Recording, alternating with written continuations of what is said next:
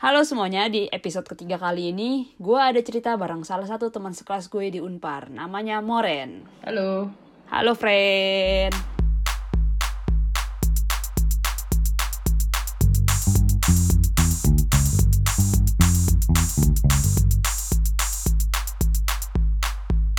Halo, friend. Apa kabar nih cuy? Udah lama nggak ngobrol. Eh, kabar gue ya gitu-gitu aja namanya di karantina ya. Baik Udah, lah gue. gue beberapa kali ngechat sama Moren sih, tapi jalan, jarang banget ngobrol langsung sejak gue cabut ya. Yoi. Ka- Kita punya rencana ngopi gak jadi cuy sebelum lu berangkat. Nah, itu dia belum jadi-jadi tuh. Sampai gue cabut. Kacau. Nantilah pas gue balik lah ya. Sabi. Nah, eh, sebelum mulai nih, tadi gue baru nyebutin nama lo doang. Tapi lu Oke. boleh kenalin lebih nggak? Apa gitu yang lo mau kasih tahu ke teman-teman yang dengerin? eh nama gue Moren. Eh gue dari Jakarta. Gue 21 tahun. Gue Salveli di Teknik Industri Unpar. Gue suka basket. Asik, udah kayak Miss Indonesia ya perkenalannya ya. iya, cocok 21 tahun, Jakarta. Gue. Hobinya basket ya. Eh, Yoi. itu itu kayaknya passion lu gak sih, Mor? Gua rasa sih iya ya, kayak sekarang gua jadi sadar gitu kayak kayaknya Ah, iya iya ini iya. emang passion gua gitu. Oke, jadi berawal sebenarnya berawal dari hobi ya, jadi passion gitu. Iya. Nah, kalau selain basket nih, lu ada kesukaan lain nggak? Em, gue suka baca buku sih. Hmm, baca- Hmm. gue suka apa lagi ya? Gue suka kayak jalan-jalan sendiri, ngerti gak sih? Ah. Kayak gue enjoy Iya, iya. kesendirian gitu. Nah, asik asik. Menarik menarik menarik. Nih kita bakal Itu bahas lebih lanjut nanti di bawah. Di bawah. Nah, eh sebelumnya nih gue pengen flashback dikit dulu lah, biar Oke. sebenarnya gue juga kenal lu kan baru-baru juga kan, maksudnya bukan yang kayak dari SD temenan apa gimana. Mm, Bah, Kita baru ketemu di Unpar. yoi. Nah, itu lu inget nggak kapan kita pertama kali ketemu atau kayak pertama kali ngobrol? Kalau ketemu kan pasti di kelas. Hmm. Eh, kayaknya kayak semester 3 deh gue ngerasa karena kayak pas semester 1 2 kan gue ngerasa kayak gue outsider gitu loh. No offense. Kayak gue ngerasa gue gak nyambung aja gitu. Dan kayaknya gue masih nutup diri kan. Coba kayak Ah. setelah semester 3 gue ngerasa kayak gue harus membuka diri dan ternyata kayak oh kelasan gue ternyata caur-caur juga gitu. Ah, Terus oke kayak oke. untungnya ada yang mau mungut gue. Kayak gitu juga. eh sebenarnya bukan semester 3 tau Mor. Semester 2 deh kayaknya. Nah Pernah. iya semester 2 Jadi itu kita ketemu pas lagi danusan Hah? Lu gak inget ya? Tapi nggak inget gue. Maksudnya Nih. kayak Nah, apa? Gue ceritain Gue masih inget parah Oke. Soalnya ini membekas Oke. banget di gue Wow. Wow Jadi tuh ya waktu itu kita ada jadwal danus Karena kita sekelas jadi kita nyari Maksudnya kita sama-sama nyari teman sekelas gitu loh buat jaga bareng Nah Oke. habis itu Proker apa ya? Eclipse Ingat gak? Ah, ah. terus? Nah habis itu pokoknya kita akhirnya jaga danus bareng tuh Di gedung 10 lantai 3 Iya. Nah, Abis itu pokoknya kan jaga danusnya kayak sejaman gitu. Per- pokoknya kayak hari hari pertama jaga danus, lu tuh pokoknya kita kayak akhirnya ngobrol-ngobrol gitu kan setelah padahal kayak udah satu semester bareng di kelas kita kayak jarang banget ngobrol gitu loh kayak cuman Iya. se- sekedar kenal doang nah akhirnya Mhm. di situlah pas lagi jaga danus itu sambil nganggur kita ngobrol nah tiba-tiba pokoknya muncul suatu statement lu bilang ke gua gue suka banget susu coklat ultra dan lu nyetok banyak di kosan lu Oh. Nah, udah gitu, selanjutnya kita minggu depannya danus bareng lagi. Nah, di Oke. hari itu lo bawain gue susu ultra.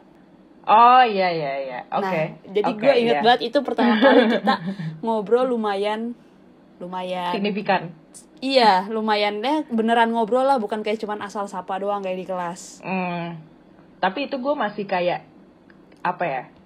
Gue masih ngerasa kayak gak nyaman. Bukan gak nyaman ke lu, tapi gak nyaman untuk membuka diri gue. Ngerti gak sih? Iya iya sih, kita emang ngobrolnya kayak nggak jelas sih ke mana pun yang kita mau aja ngobrolnya. Iya. Kayak basa-basi lu nungguin danus aja gak sih? Iya bener, abisnya sejam kan ya, lumayan juga. Yoi. Diem doang. Makanya iya, wah, iya itu Nah. sih.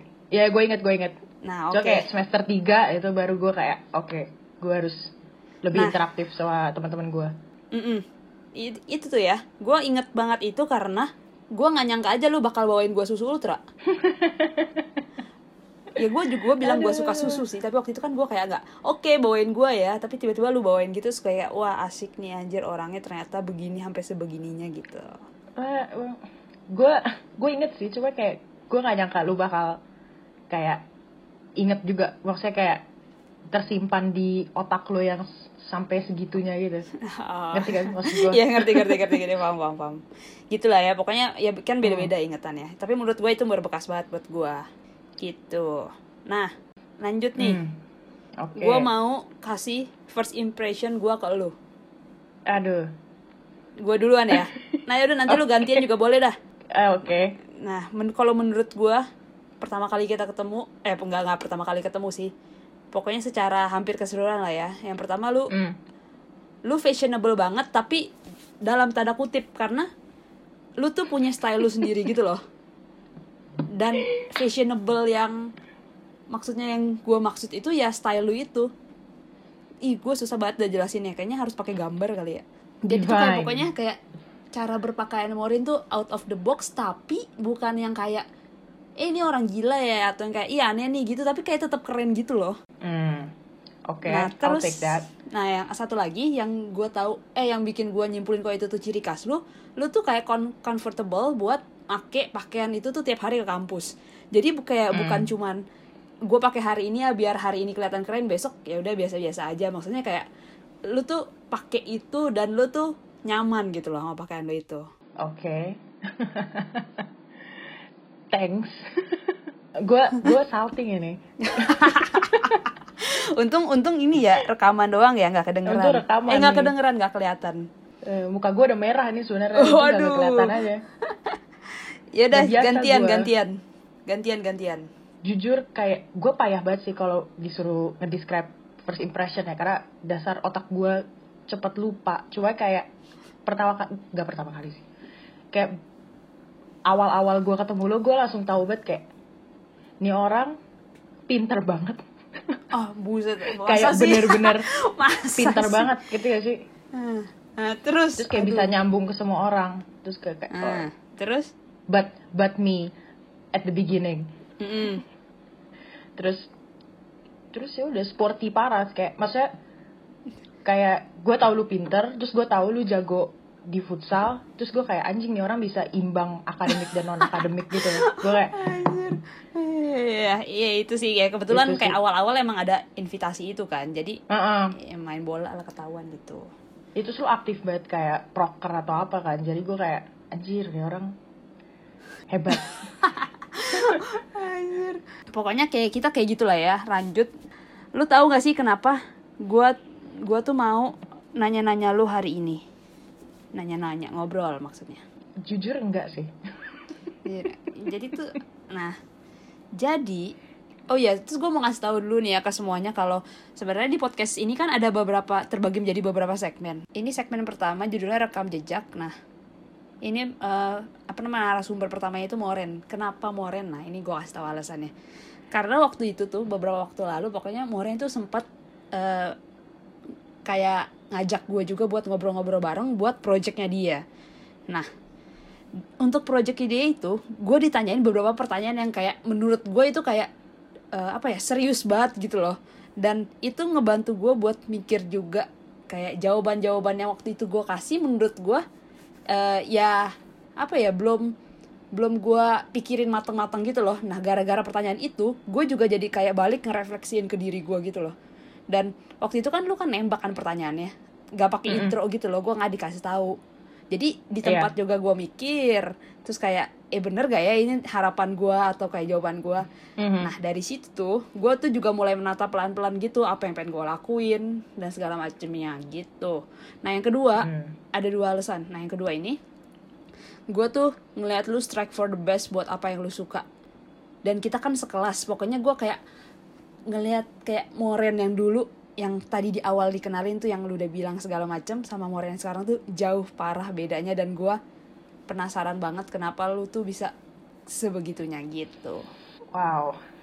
Oh oh gitu. Oke. Alasan gue mendasar kan kenapa menjadikan lu narasumber Oke. pertama. Oke boleh boleh. Nah, eh, sebelumnya intronya semoga aja ini nyambung ya nanti ke ke depannya. Gue mau tanya dulu Oke. sedikit mengenai dunia akademik Mhm. nah kenapa lu ke teknik industri dan kenapa ke unpar Oke, Em, sejujurnya gue nggak tahu kenapa gue mau teknik industri dan kenapa ke unpar. Kayak itu bukan pilihan gue sejujurnya. Eh, itu lebih kayak orang tua gue kayak udahlah teknik industri aja. Eh, maksudnya kayak lu belajar banyak hal dan segala macem. Hmm. Nanti kayak kalau lu emang lulus, lu lulus, mudah-mudahan lu gampang dapat kerja. Karena Hmm. istilahnya ya lu lu mencakup banyak hal lah yang lu pelajarin di TI gitu Heeh. dan eh, kenapa gue milih unpar karena eh pertama nyokap gue dulu di unpar Eh, Oh, akun gitu. akuntansi heeh. Ah, terus terus terus eh kayak Bandung relatif lebih deket. Karena waktu itu gue juga keterima di ITS dan Oh, kayak iya, ter- iya. buat orang tua gue terlalu jauh. Jadi kayak udahlah di Bandung aja. Terus ada nenek gue juga di sana. Hmm. jadi kalau ke Bandung sih sebenarnya lebih kayak ya anak cewek anak pertama. Udahlah jangan jauh-jauh dan segala macem. Hmm, tapi iya, kalau iya. TI sejujurnya gue kayak benar-benar oke ada nggak tahu ya nggak tahu ada. kenapa gitu ya. No clue. No clue at all Uh, Oke, oke, gue menyesal mungkin beberapa tiga tahun pertama gue bisa bilang gue menyesal Ah ya, I see. Oke, oke, oke. Nah, lanjut ke pertanyaan selanjutnya. Sama juga masih di Oke. dunia kuliahan, tapi bukan akademis, tapi organisasi. Nah, Mhm. kan uh, tadi lu juga sempat bilang kayak awalnya lu rada-rada denial segala macem lu pokoknya kayak agak-agak nggak jelas lah di perhidupan perkuliahan ini. Nah, Ah. termasuk di program kerja gitu. Nah, awalnya tuh lu ikut program-program kerja gitu gak sih, Mor? Eh, gue ikut Mm. eh di kuliah kan Iya di kuliah di kuliah. gue ikut tapi gue ke LKM arahnya Hmm, Karena- ke LKM. karena Karena ya itu gue gue ngerasa kayak gue masuk TI gue nggak pengen di TI terus kayak di awal-awal sumpah ini no offense to Iya santai. anyone ya Eh, gue masuk TI gue nggak nyaman di TI secara personal gue sebagai mahasiswa terus kayak gue masuk ke TI gue ngeliat lingkungannya kayak aduh gue nggak bisa kayak ikut proker di TI ngerti gak sih? Karena gue nggak nyaman di TI ngerti kan? Hmm, oke oke. Nah, paham makanya gue selalu ngarahnya ke LKM gue dari tahun pertama gue pertama ikut Eclipse. Hmm, itu di sama teman gue di luar anak TI gitu. Jadi Hmm. kayak eh ya gue nggak pernah aktif di TI lah. Jadi gue lebih emang prokernya proker selalu di LKM Oh, oke oke. Sampai akhirnya lu di tahun ketiga jadi ketua proker LKM juga, ya kan? tahun ketiga iya Nah itu tuh kayak eh, ini gak sih maksudnya? Apakah itu termasuk goals lu atau kayak Mhm. ya udah lu jalanin aja dan tiba-tiba kepilih kayak gitu atau gimana? Eh, gue tarik mundur ke kayak tahun kedua deh gue jadi wakil ketua Listra waktu Mm-mm. itu terus singkat cerita ada ups and downs gue jadi ketua proker wajah Nusantara Oke. 2018 Nah, sekedar ngasih tahu Listra itu unit kegiatan mahasiswa yang tari tradisional gitu di Unpar. Dan Ya, Wajah betul. Nusantara itu salah satu program kerjanya juga ya dari Listra. Mm-mm. program kerja salah satu yang besar lah Ah, salah satu yang besar ya, setuju. Parah. Hmm, jadi Nah, waktu itu gue jadi ketua wajah Nusantara atau Wanus hmm. eh abis itu gue ngerasa kayak kok gue enjoy gitu loh kerja sebagai ketua ngerti gak sih gue gue seneng untuk kayak ngelit orang-orang nge kind of gitu gitulah akhirnya Hmm. eh, dari situ pas gue masuk LKM dikasih tahu kan kayak nih kita ada dua proker eh, Makelu yang buat seni kayak pentas seni sama PSC yang pekan olahraga terus Ah, ah. disuruh lah kayak screening dua-duanya kan Iya. terus kayak gue langsung kayak udah gue mau jadi ketua buat dua-dua proker gue nggak peduli proker yang gue dapat apa gue mau jadi ketua karena gue enjoy menjadi ketua kayak eh gue gue gimana ngejelasinnya ya kesannya gue senang memanfaatkan power sebagai ketua tapi in a positive way gitu loh Oh, ya. Wah, keren banget nih. gitu Asik. Harapannya tuh gua. kemarin. Soalnya kayak ya awalnya kan lu ngerasa kayak lu nggak cocok lah segala macam, tapi tuh Mm. akhirnya lu bisa ngedapetin kayak bukan posisi sih cuman kayak lu bisa jadi ketua proker gitu loh dan itu proker gede gitu loh seunpar kan akhirnya Iya. nah iya Oh. kayak yang nge-trigger gitu loh Mungkin karena respon dari orang-orang kali ya. hmm, Eh, ketika gue ketika gue jadi ketua dan waktu itu gue jadi wakil ketua Listra, gue punya beberapa ide yang gue sampaikan dan gue share ke beberapa orang. Terus mungkin dengan cara gue memimpin proker Listra waktu itu dan ternyata respon orang-orang baik ke gue gitu positif. Hmm, Em, mungkin di situ gue jadi dapat eh, kepercayaan diri gitu loh kayak oh ternyata gue bisa kok kayak dan walaupun gue oke mungkin gue struggling secara akademik tapi kayak gue yakin gue ada ahli juga lah gitu. Ngerti gak sih? Kayak gak mungkin Tuhan menciptakan seseorang bener-bener jelek ngerti gak setuju sih? setuju setuju banget. Jadi kayak mungkin gue handal nggak handal sih. Cuman kayak ya lebih baik dalam ngurusin proker gitu-gitu. Gue lebih kayak kerja lapangan gitu lah ibarat Ah. kayak gue di kelas duduk diem Hmm. dengerin dosen. Ngerti gak sih? Jadi mungkin dari situ yang nge-trigger kayak oke Mm-mm. sebenarnya gue bisa kok. Tinggal sebenarnya gue mau atau enggak buat berubah gitu. Nah, ini menurut gue keren banget sih dan kayak gue penasaran aja apa yang ngebedain pemikiran lu waktu itu yang ketika lu ngerasa lu nggak cocok di TI segala macem. Maksudnya kayak di dunia perkuliahan itu dengan sekarang yang kayak lu bisa ap- apa gue bisa sebut gak sih akhirnya lu menerima sekarang apa gimana? iya bisa. Iya kayak gitu. Kayak sampai akhirnya lu tuh menerima gitu.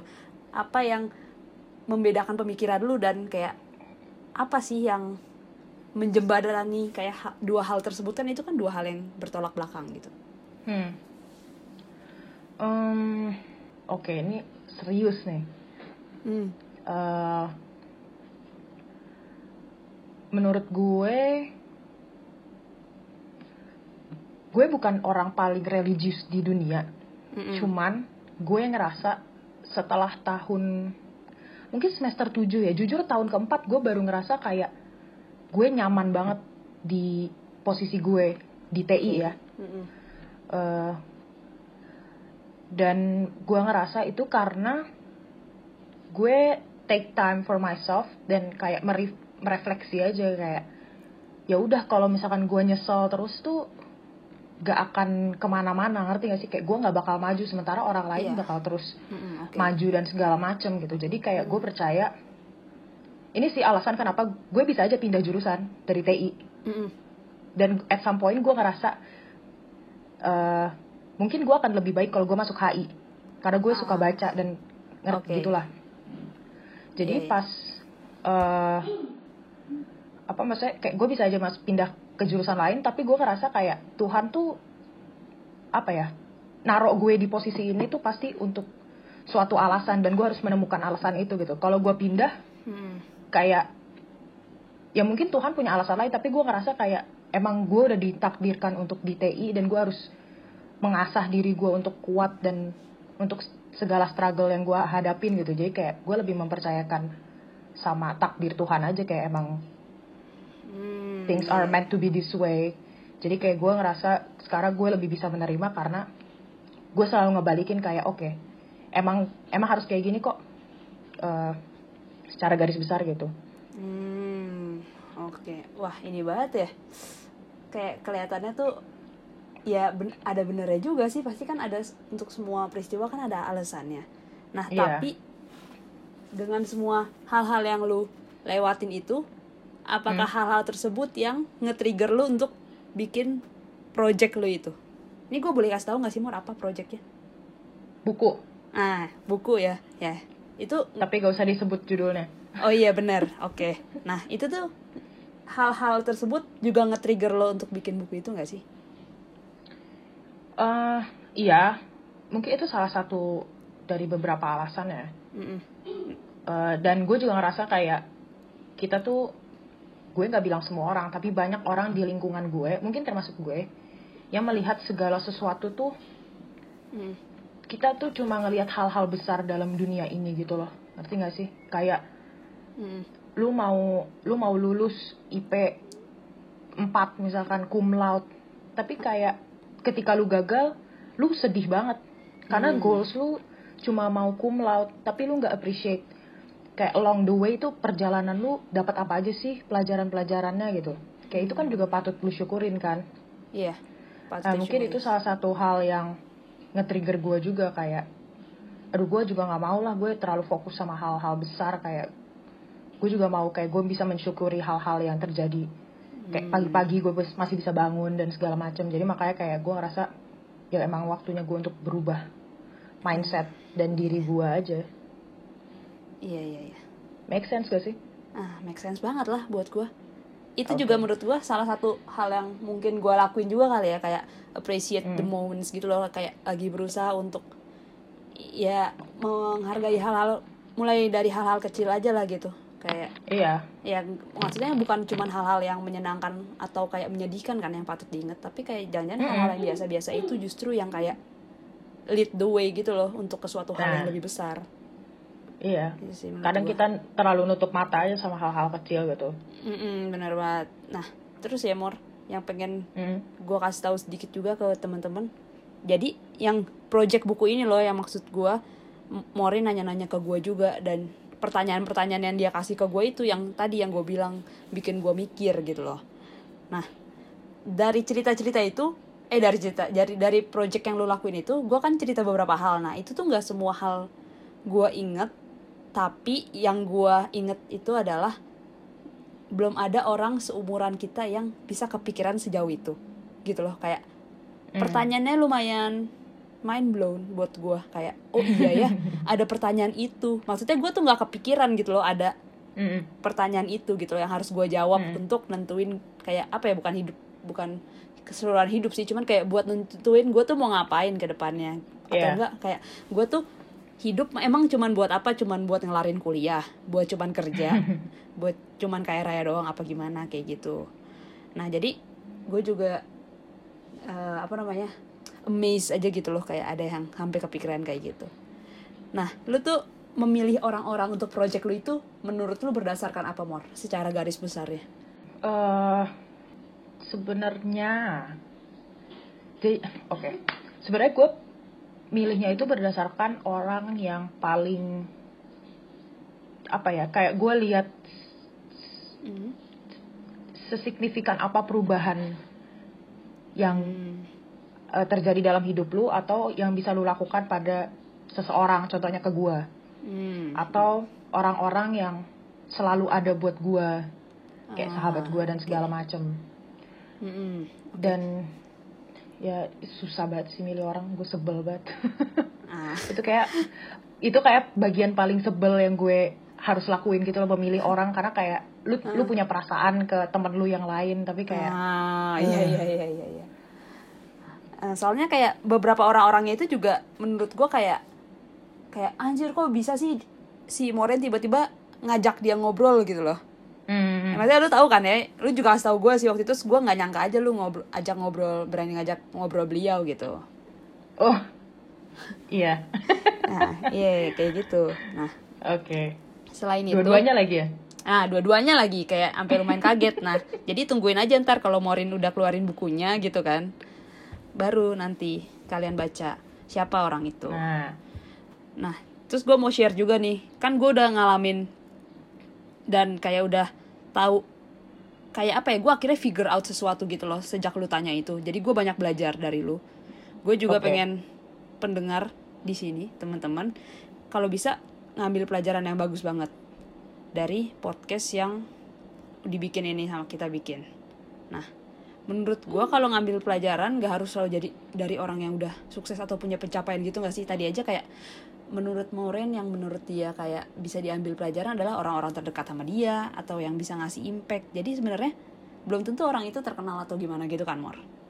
tuh Nah, tapi yang gua notice dari lu juga oke terutama di Twitter lo adalah tentang WNBA. Nah, itu awalnya gue kayak agak bingung sih sebenarnya karena ya Mhm. maksudnya mungkin kalau orang-orang yang awam dan tahu basket sedikit doang pasti familiarnya dengan NBA kan. betul. Sedangkan WNBA ini ya gue tahu ada WNBA cuman kayak gue nggak apa ya ya seperti biasalah kayak kalau olahraga Gak tuh- familiar lah ya. Iya intinya nggak familiar lah ya. Tapi kenapa lu bisa tiba-tiba membahas sedetail itu? Bahkan gue pertama kali baca juga gue nggak tahu gitu loh apa yang lo omongin. Hmm, jadi mulainya dari tahun lalu sih, Uh-uh. Eh, akhir tahun mungkin November lah ya. Jadi tahun lalu ya gue lagi merasa down seada-adanya lah, Uh-uh.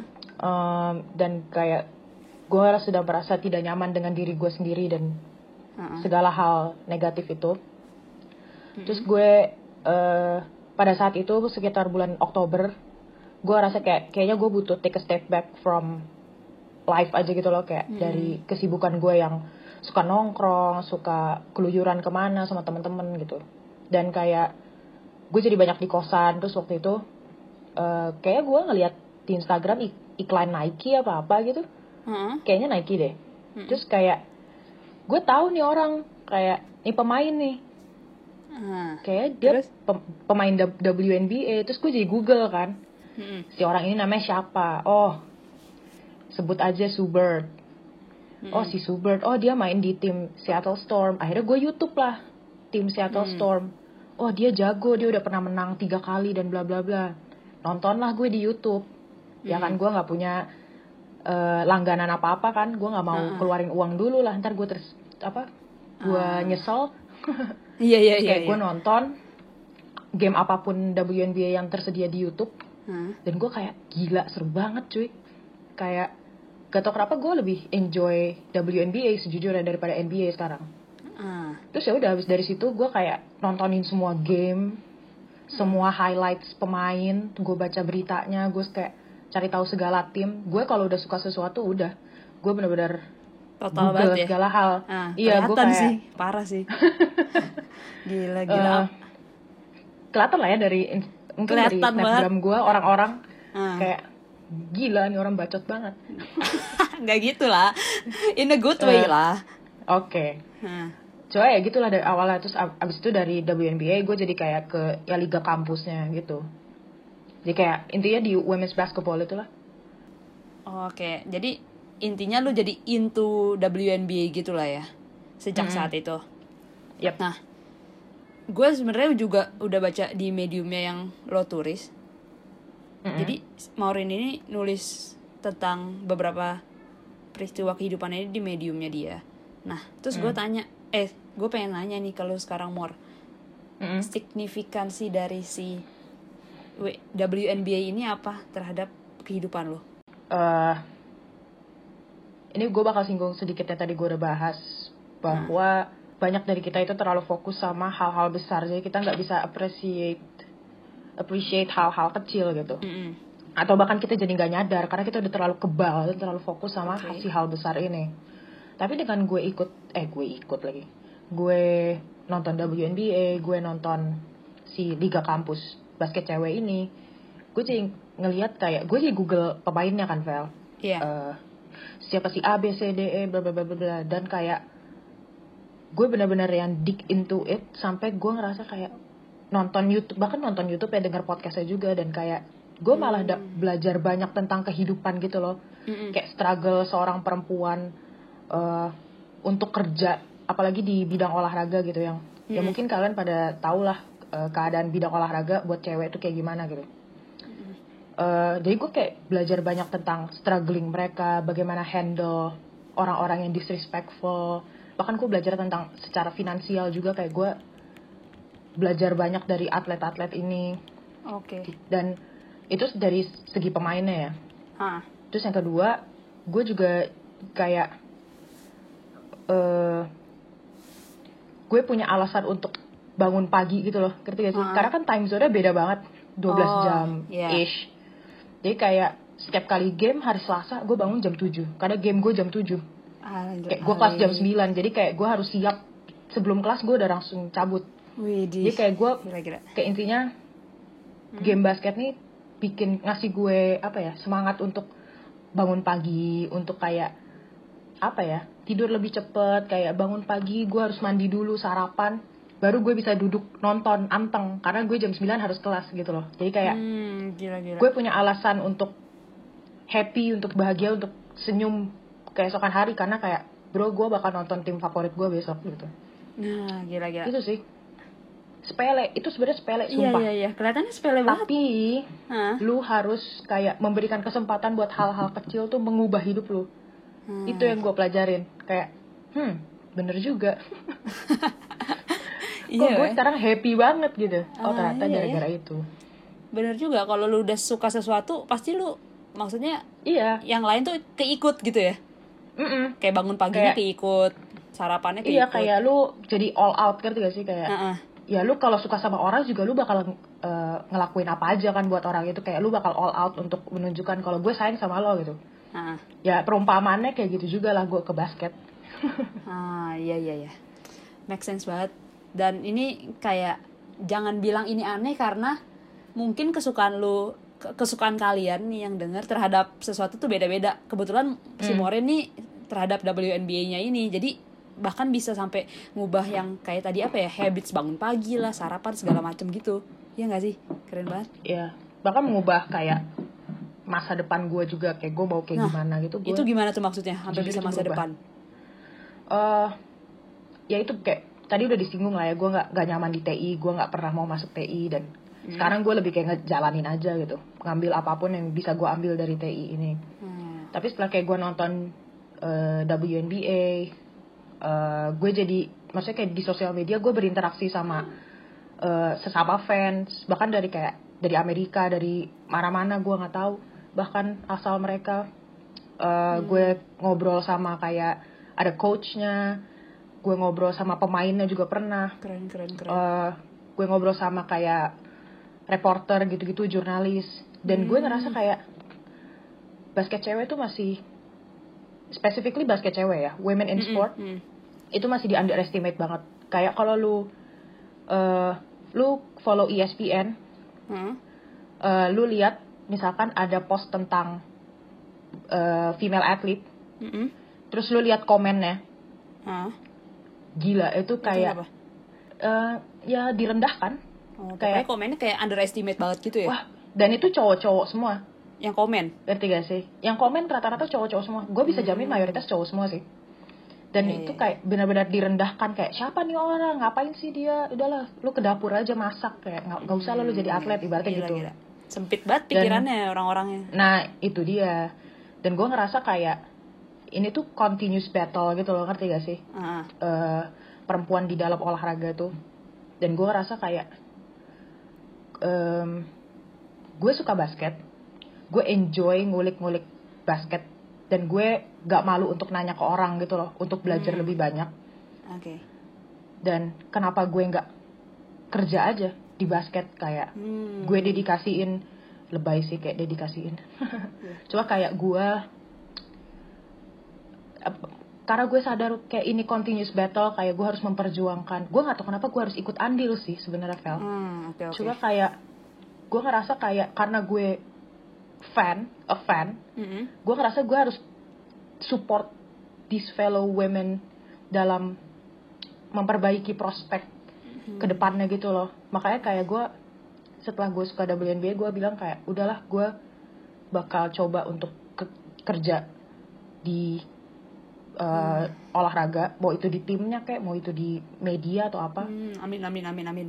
Supaya gue bisa punya kesempatan untuk memperjuangkan women in sport Mm-mm. dan nantinya kalau mungkin gue udah cukup ilmu Hmm. gak, sih- gak ada yang namanya cukup ilmu kita selalu kurang Eh maksudnya kalau gue udah mungkin udah cukup berpengalaman lah ya gue bisa balik ke Indonesia untuk ya mungkin memperbaiki Ah, sistem olahraga yang ada di kita juga gitu amin keren banget butuh banget tuh Indonesia orang-orang kayak gitu untuk tahap Amin. sekarang ya maksudnya hmm. Gitulah. Itu panjang banget sih jadi semoga itu make sense ya. Iya. Nah terus berarti nih sekarang gue pengen nyambungin sama yang awal aja sih. Intinya nih setelah lu Mhm. menyadari atau lu menerima TI ini di kehidupan lu ternyata sebenarnya ada hubungannya nggak sih TI sama hobi lu yang sekarang saat ini? Dan yang akan lu lakuin ke depannya?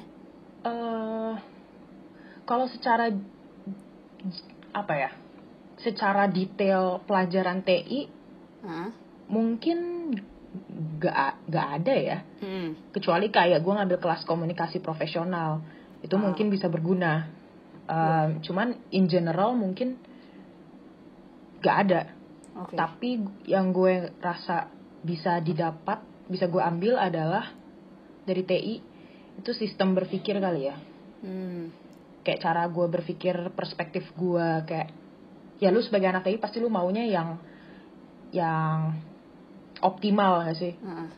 segala sesuatu jadi kayak ya mungkin itulah yang bisa gue ambil dari TI nya Hmm. Tapi kalau misalkan mau dilihat-lihat lagi nih, kalau lu misalkan Hmm. nggak struggling segitunya di TI, mungkin lu nggak nemuin si WNBA ini gak sih? iya gue rasa sih eh, mungkin menemukan ya tapi gak gue nggak seapresiatif itu ya karena lu udah struggling duluan di awalnya gitu. Jadi lu tuh hmm. begitu nemuin kesukaan lu, lu total banget. iyo i Gila, keren parah. Akhirnya gue bisa tahu detailnya.